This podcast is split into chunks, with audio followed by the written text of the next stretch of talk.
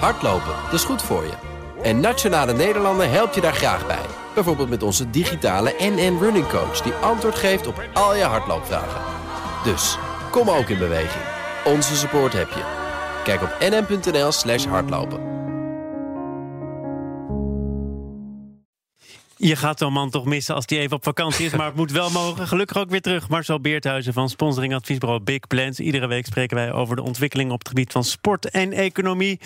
En je weet wel wanneer je terug moet komen. Hè? De bal rolt weer. Ja, daar, kom ik ook meteen terug. ja, precies. Zo gaat dat. Um, en dat kan ik zeggen. De bal rolt weer. Want La Liga, de Spaanse competitie, begint ook weer bijna.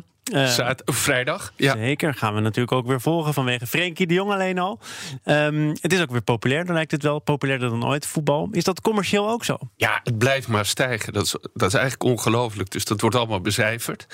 En uh, er gaat uh, ruim 28 miljard om in de, in de voetbaleconomieën van al die competities. Dat is weer 11% meer dan het jaar daarvoor. Er zijn wel vijf grote competities, hè, dus Engeland, uh, Duitsland, Spanje, Frankrijk en Italië, die bij elkaar zo'n ja, 50% van het bedrag uitmaken. Maar uh, ja, het gaat maar door, het blijft maar groeien, ook commercieel. En Marcel, zie je daarin nog uh, de Oranje Leeuwinnen en hun uh, even knieën in uh, ons omringende landen een rol spelen? Of um, het is het nog nou, nog altijd een uh, achterhaald mannenverhaal. Ja, we hebben het nu echt over de competities. Maar de vrouwen komen natuurlijk wel dichterbij. Dat hebben we hier ook wel uh, eerder besproken. Dus je ziet dat daar ook heel goed naar gekeken wordt, bijvoorbeeld. Als het om het geld gaat, dan uh, is daar nog wel een behoorlijke achterstand. Wanneer denk jij dat we de vrouwelijke eredivisie op primetime televisie kunnen bewonderen? Ja, dan moet het nog wel iets beter worden en iets aantrekkelijker. Uh, primetime televisie, misschien op een uh, pay-per-view net, uh, netwerk. Maar da daar moet nog wel een sprong gemaakt worden. Als je het over televisie hebt en televisiegelden... dan kom je binnen die vijf grote competities ja. natuurlijk weer vanzelfsprekend uit... zou ik bijna willen zeggen, in Engeland, de Premier League. Ja. Waarom is dat, ook in vergelijking met die andere grote competities, toch weer de grote slok op? Wat is het onderscheidend vermogen?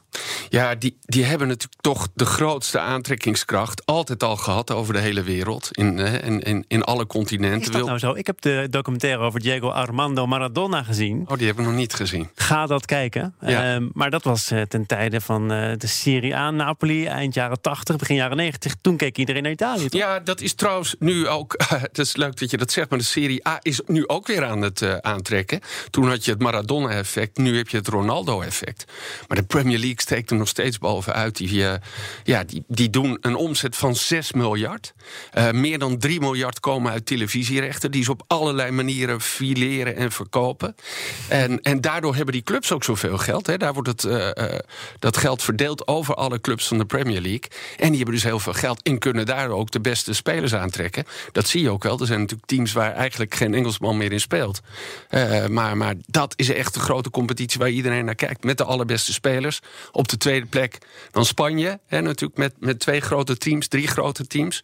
En dan komt een beetje de rest van Europa. En komt deze Engelse uh, dominantie ook door de wetkantoren die daar uh, floreren?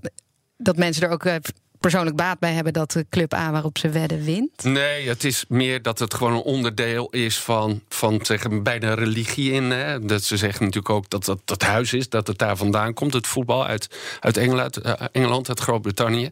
Wetkantoren zijn wel belangrijk als het gaat om het gebied van sponsoring, want bijna iedere ploeg heeft daar wel een contract met een wetkantoor. Maar het, het, het, het grote geld wordt dus verdiend met die uitzendrechten. En ja, dat is gewoon omdat zoveel mensen in Azië en ook in de Verenigde Staten in het Amerikaanse continent ook in Zuid-Amerika dat Engelse voetbal willen zien. Omdat daar ook vaak spelers uh, uh, spelen die uit die landen komen. Vorige week was hier te gast uh, de directeur van de Eredivisie CV, Matthijs Manders. Ja. En jij zei het al, er is een top 5. Ja. Matthijs Manders heeft een eigen ambitie. De Eredivisie, dat moet dan nummer 6 worden. Ja. Ja, uh, is dat nog veel wel, werk? Ja, zeker. Ze, ze, staan nu op 8. Hè. Omzet is dan bijna 500 miljoen. Dus hè, even de perspectieven. Dat heeft één grote Engelse club. Ja, is Arsenal met, is het volgens mij. Ja, is dat, die heeft dat gewoon zelf als, als, als omzet. En boven ons zitten nog Rusland en Turkije. Echt met voorsprong. Dus hij moet echt wel zijn best doen om dat voor elkaar te krijgen. Ook als je kijkt, hè, als je de analyse maakt... waar komt het geld dan vandaan? Dan komt het geld bij ons vooral van, van commerciële gelden... van sponsorcontracten van partnerships en veel minder van televisierechten. Nou, dat contract met Fox dat loopt nog uh, een paar jaar tot met hè, eind 2023, 2024. Ja, en dan, en dan moet hij weer aan de bak om te kijken hoe ze dat gaan verkopen. En in Nederland hebben we nog niet die opdrijvende kracht gehad om daar weer meer steeds geld, uh, Nou, ik meer geld hem, uit te eh, halen. Het is een, een deal van 12 jaar was het. Ja. En toen die gesloten werd, zei iedereen... een miljard voor het Nederlandse voetbal, dat is toch geweldig. En toen vroeg ik, zou jij nu weer zo'n lange termijn contract afsluiten? Want voetbal is veel populairder geworden. Het geld is minder waard geworden in zekere zin. Hè? Een miljard stelt nu minder voor. Is Ja. dat uiteindelijk toch ook niet slim geweest, zo'n lange deal? Ja, toen waren ze er blij mee. Weet je, achteraf is het altijd makkelijk praten. Alle clubs hebben daarmee ingestemd. Eh, ze hadden geen alternatief, zijn een eigen zender begonnen. Hebben dat uiteindelijk weten te verkopen aan Fox. Was toch een heel goed plan waarvan iedereen in het begin zei... nou, eh, niemand in Nederland gaat voor voetbal eh, betalen. Als ze 300.000 eh, abonnees krijgen, is het mooi. Nou, ze zitten nu dik boven de miljoen. Dus dat is goed gedaan. Ja, wat je wel ziet door de hele digitale ontwikkeling... en ja, is het nu, zou je het nu anders doen? Ja, inderdaad. Wat zou je zeggen? Facebook, eh, kom ook maar op. Of Ja. andere platforms of eigen platforms. Als je ziet, hè, hoe de Premier League dat doet, die verkoopt eigenlijk aan zoveel mogelijk platforms. Dus dat zie je een beetje ontstaan. Het idee van we verkopen het exclusief aan één partij, dat is aan het verdwijnen. Je, je verkoopt het gewoon aan heel veel verschillende partijen, allemaal met eigen platform. Hè. Kijk, mensen hebben ook heel veel kla- eh, kranten of hè, op- krijgen op allerlei manieren nieuws tot zich, krijgen ook op allerlei manieren sport tot, tot zich. En al die partijen die proberen dat dan te verkopen. Het nadeel van de eredivisie is het natuurlijk dat het niet de allerbeste content is. En mensen kijken dus liever naar het Engelse voetbal en naar het Spaanse voetbal. Dus ze staan altijd een beetje in de, ja, in, in de wachtrij wat dat betreft. Marcel, tot volgende week. Tot dan. Hardlopen, dat is goed voor je.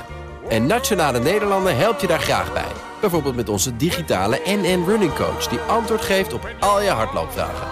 Dus, kom ook in beweging. Onze support heb je. Kijk op nn.nl slash hardlopen.